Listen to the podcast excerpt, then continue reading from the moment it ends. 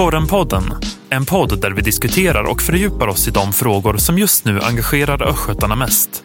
Hej, då var vi åter igång med ett nytt avsnitt från vår poddstudio i Linköping. Och jag som leder det här avsnittet heter Julia Järv. Idag ska vi prata om det här. Bombattentatet på Ådalagatan i Linköping 2019 är en av de största explosionerna i Sverige i modern tid. Mirakulöst kom inga människor till allvarlig skada men sprängningen skadade över 200 lägenheter. Enligt Korrens beräkningar 2020 ska notan för explosionen ha uppgått till minst 87 miljoner kronor. Nu avslöjas för allmänheten tidigare hemliga dokument som visar på stora brister i samverkan mellan polis, räddningstjänst och Linköpings kommun. Särskild kritik riktas mot Polismyndigheten. Och bakom den här granskningen så finns reporter Jenny Eriksen som nu finns med mig här i studion. Välkommen Jenny! Tackar, hej! Vi kommer också att spela in korrens krimreporter Fredrik Kvist lite senare. Men vi börjar med dig. Eh, Jenny, kan du inte bara kort berätta vad är det för brister som har eh, framkommit i den här publiceringen? Eh, den här rapporten eh, pekar ju då på att det fanns samverkansbrister mellan, ska man säga, blåljusmyndigheter och även Linköpings kommun. Men eh, kanske framförallt mellan polisen och räddningstjänsten. Kommunen var också involverad. Ehm, när bomben på Uddalagatan exploderade. Det verkar som att det fungerade rimligt bra eh, på platsen eh, för den personal som var där och gjorde eh, sitt akuta arbete. Men några nivåer upp på ledningsnivå så funkade samverkan inte som det var tänkt. Kan du ge något, något exempel på hur det inte funkar? Det tog lång tid för Polismyndigheten att få till en ledningsstab Ehm, det var svårt för andra myndigheter att komma i kontakt med polisen.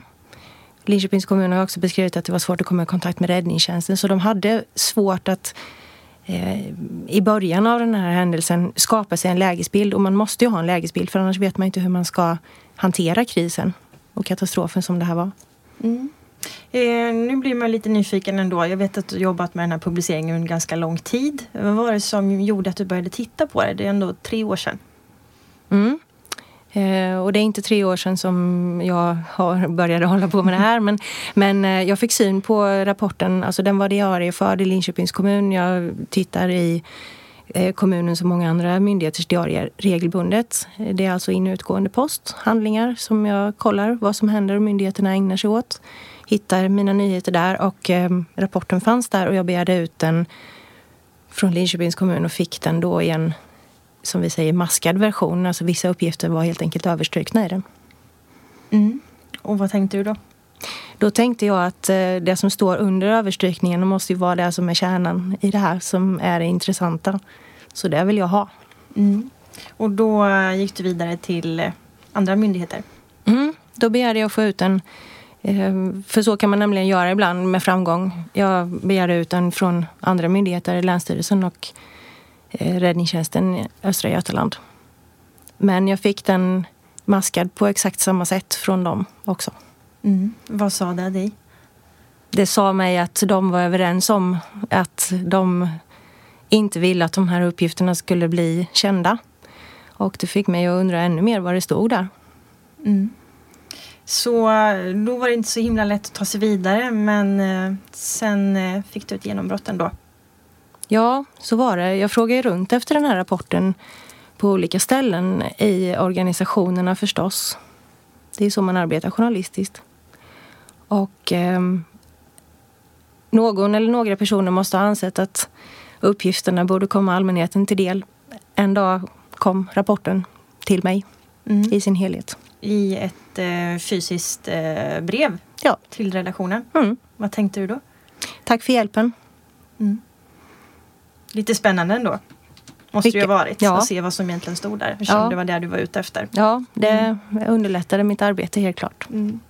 Eh, man blir lite nyfiken ändå. Så här, vad, vilka skäl angavs eh, för sekretessen från de myndigheterna? Mm. De har hänvisat till en paragraf i offentlighet och sekretesslagen som handlar om eh, fredstida krissituationer, säger man. Och eh, det är då Eh, det allmännas, alltså kan vara olika myndigheters möjligheter att de ska eh, kunna förebygga och eh, hantera sådana här fredstida kriser.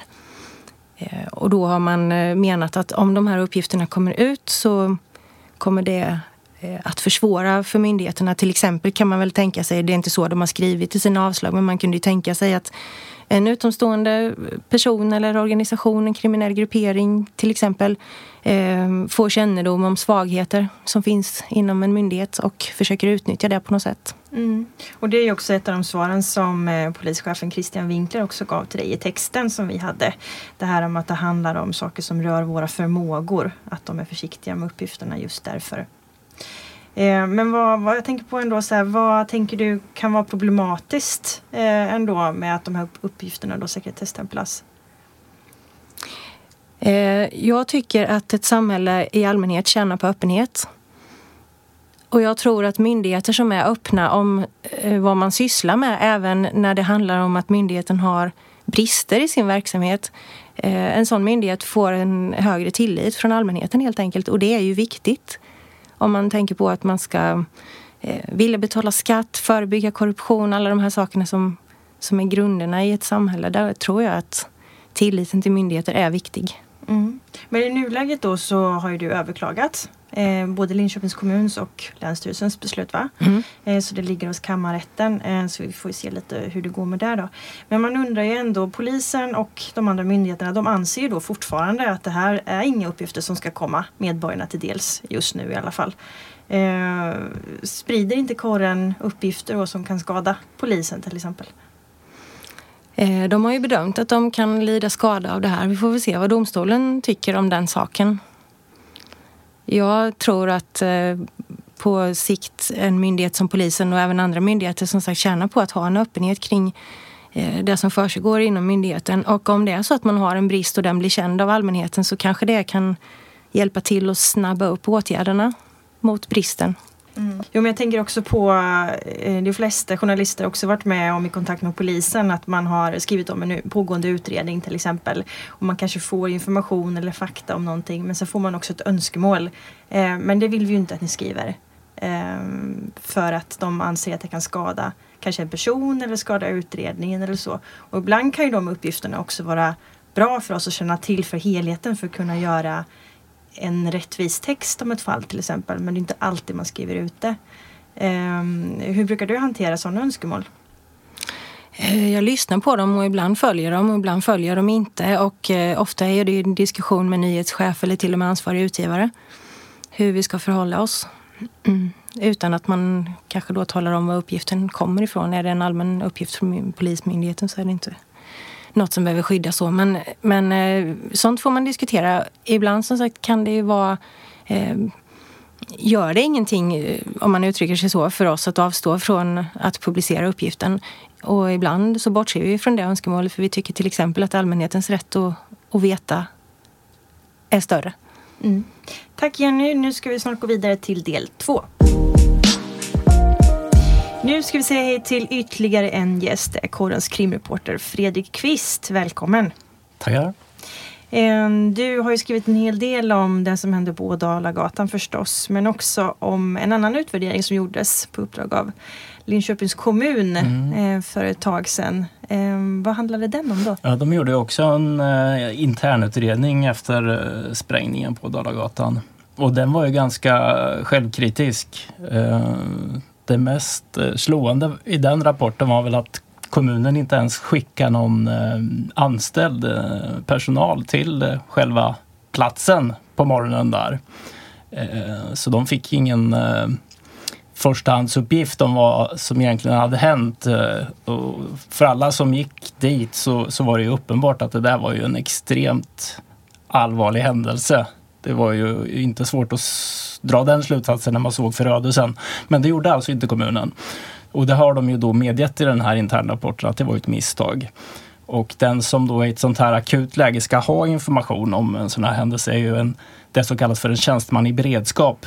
Den här tjänstemannen hade ju svårt att få information i, i det här tidiga skedet. Eh, så, så när vederbörande då skulle hålla en dragning för kommunledningen så att säga så, så hade personen inte så särskilt mycket information att komma med. Så man hade liksom ingen bra bild av vad som hade hänt.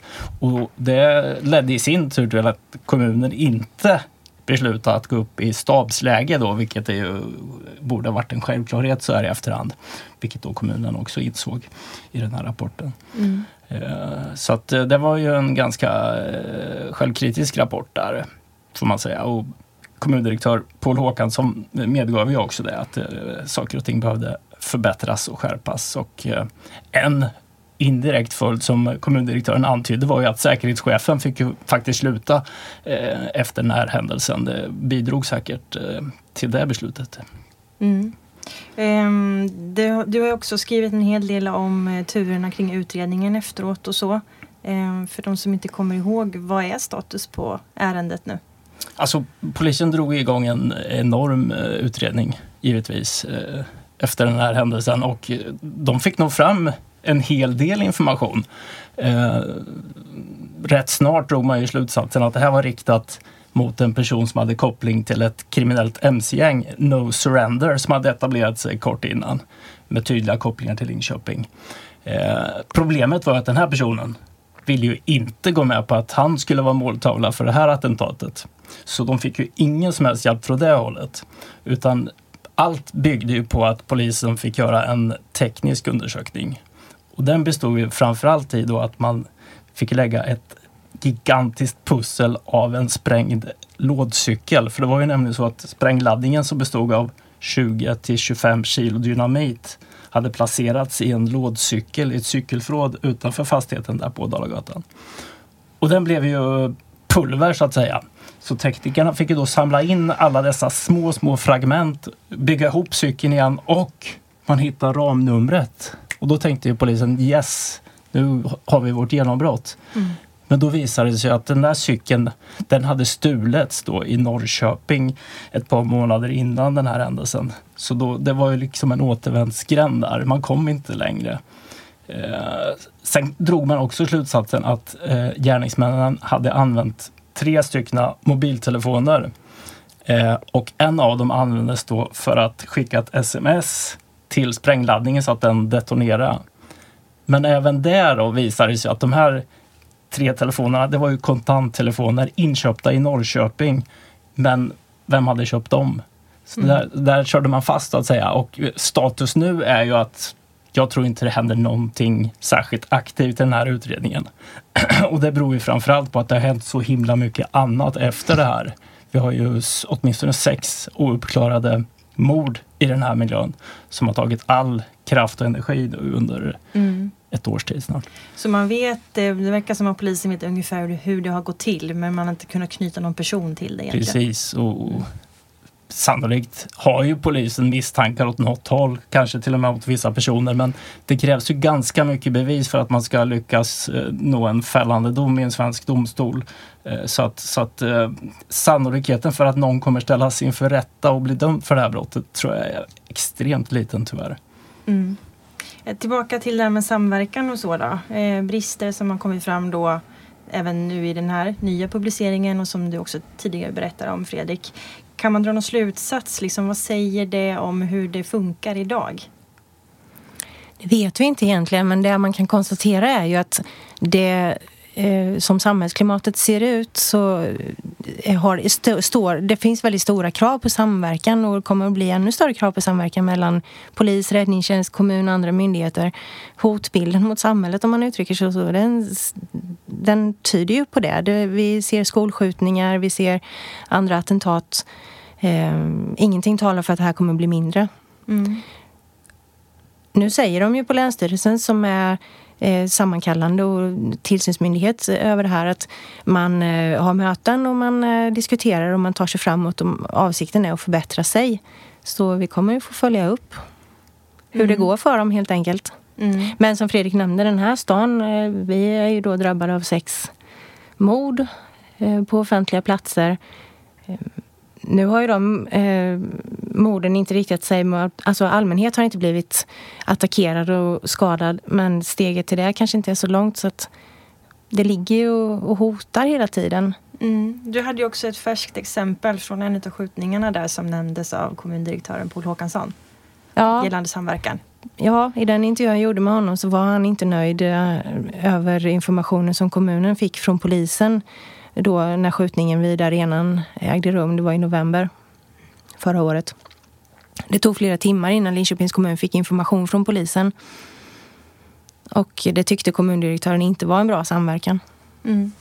Några... Man får ju också en känsla att visst, det är jättebra det här att, att eh, myndigheter eh, övar och förbereder sig. Men min känsla är ju att eh, ta den här händelsen på Ådalagatan. Det, det, det är ju så extrema händelser. Det måste vara extremt svårt också då att, att vara förberedd. Så att det blir ju nästan per automatik fullständigt kaos föreställer jag mig. Så att, så att det är ju säkert en äh, jätteutmaning att, att verkligen förbereda sig för någonting sånt här. Men man får ju hoppas att, att man drar eh, några vettiga lärdomar av det här, det här som har hänt. Men, mm. men jag, jag föreställer mig att det är, det är en utmaning.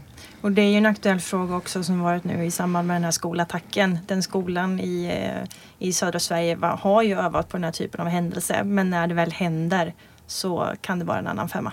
Det är det säkert. Mm. Tack så mycket för att ni medverkar i detta avsnitt. Eh, överklagan får vi återkomma till gällande sekretessprövningen. Eh, när tror du att den kan eh, dyka upp? Jag vågar faktiskt inte gissa. Kammarrätten har tagit lång tid på sig. Mm. Vi får se helt enkelt. Eh, men eh, om det är så att man skulle vilja lämna några tips, antingen som handlar just om Ådalagatan eller någonting annat, så får man självklart gärna göra det på mail och då är det förnamn.efternamn korren.se Alltså jenny.eriksen eller fredrik.kvist. Eller tipsa snabelakorren.se går ju också bra. Tack för att ni har lyssnat. Vi hörs snart igen. Du har lyssnat på Korrenpodden. Ansvarig utgivare Maria Kustvik.